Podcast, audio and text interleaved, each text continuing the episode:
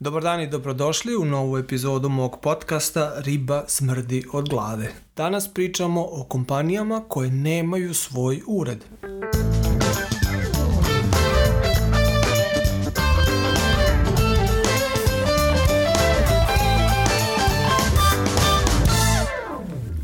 Dobar dan i dobrodošli u novu epizodu mog podcasta Riba smrdi od glave. Moje ime je Darko Pavić i ja sam suvlasnik kompanije Fiscal Solutions koja već 18 godina, da puno smo, posluje u puno zemalja ovog sveta. Mislim da ih je 17, 18, a možda i više.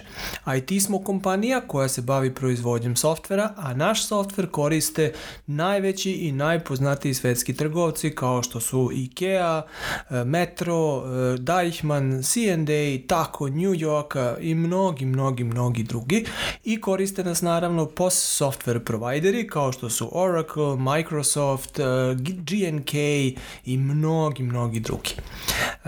Današnja tema je jedna vrlo interesantna tema koja je u momentu postala onako reklo bi se čak i prilično in, naime radi se o kompanijama koje nemaju svoj ured.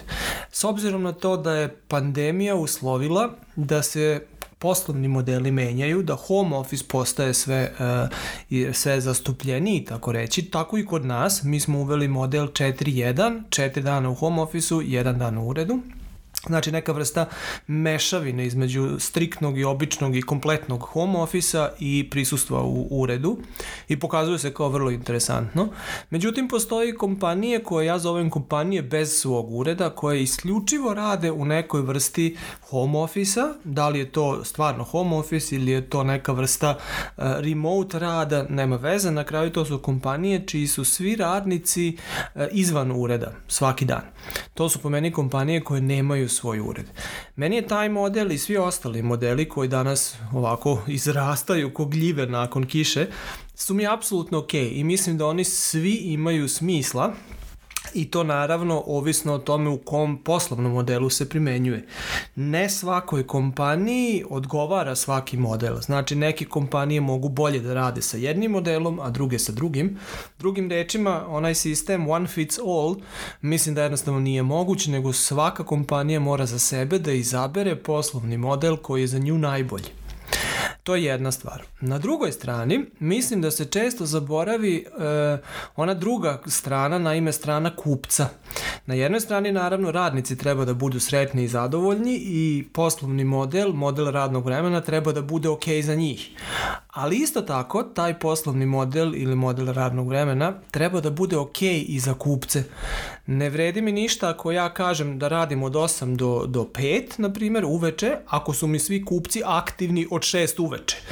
Onda je lepo što ja hoću da radim u drugo radno vreme, ali ako kupac želi nešto drugo, onda ja moram naći neku ravnotežu između onoga što kupac želi i što njemu treba i onoga što ja mogu da za, uradim da bi ga zadovoljio, a na istoj strani, odnosno na drugoj strani, da zadovoljim i svoje radnike, tako da nastane jedna određena ravnoteža imaju, imajući to u vidu i imajući važnost kupca, u vidu, nemoguće je, odnosno ne bi trebali da zanemarimo tu stranu kupca i da vidimo koji poslovni model kompanije najbolje zadovoljava želje i potrebe naših kupaca.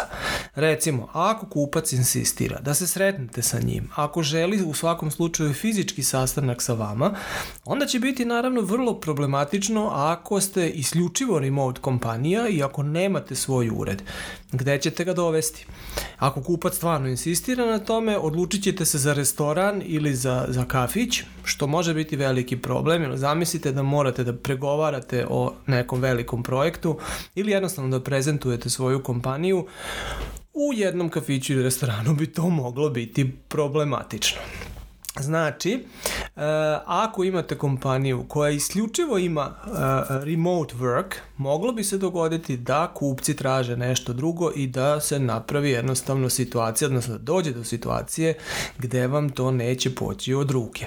Slično i kod home office ne smemo ni to e, zanemariti i zaboraviti. Zamislite situaciju da, znači, radite od kuće i imate jedan sastanak na kome trebate da pregovarate o milionskom projektu i sad zove vaš mušterija, vi se javljate na telefon, pričate sa mušterijom, a oko vas se igra vaše malo dete.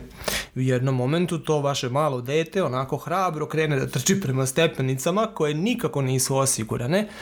Ne, red, mislim, budimo iskreni, nema oca ili majke koja neće u tom momentu posvetiti svoju koncentraciju i svoju pažnju tom detetu. I to je ok, tako i treba da bude, ali u tom momentu nećete posvetiti pažnju poslovnom događanju pitanju, odnosno pregovaranju sa kupcem. Znači, mislim, nemojte me prvo krivo shvatiti, pogrešno shvatiti, ja radim u home office već 18 godina i imam četvro dece i prošao sam kroz tu fazu kad su mali pa trče prema stepenicama i naravno da sam se uvek odlučio da pazim na njih i da se na njih koncentrišem, a ne na poslovno događanje, ali s poslovne strane to su situacije koje naravno za posao nisu dobre, jer jednostavno ne možete posvetiti pažnju mušteriji.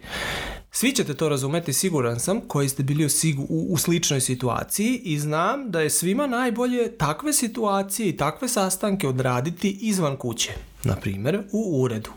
Znači, u kafiću da ih odradite bi bilo jako teško. Zamislite situaciju, odete u kafić i za vas trešti narodna muzika ili bilo kakva muzika, čuje se žamor sretnih ljudi koji čavrljaju, a vi pregovarate o projektu o instalaciji novog supermarketa u Zimbabveu. Ne znam, to je baš onako malo problematično. Ovakvih primjera se može naći jako, jako puno. Ono što možemo kao zajednički nazivnik svim tim primjerima da navedemo je sljedeća stvar, svaka kompanija mora da ima ured. Makar to bio jedan mali, mali, mali mini ured, dovoljno jedna sobica koja može da služi za sastanke, konferencije i slične stvari, ali bez jednog ureda će biti jako, jako teško. Zato ja mogu da zaključim na kraju, po mom mišljenju naravno, ozbiljna kompanija mora imati ured, inače nije ozbiljna. Hvala vam na pažnji i čujemo se i u sljedećoj epizodi. Lijep pozdrav!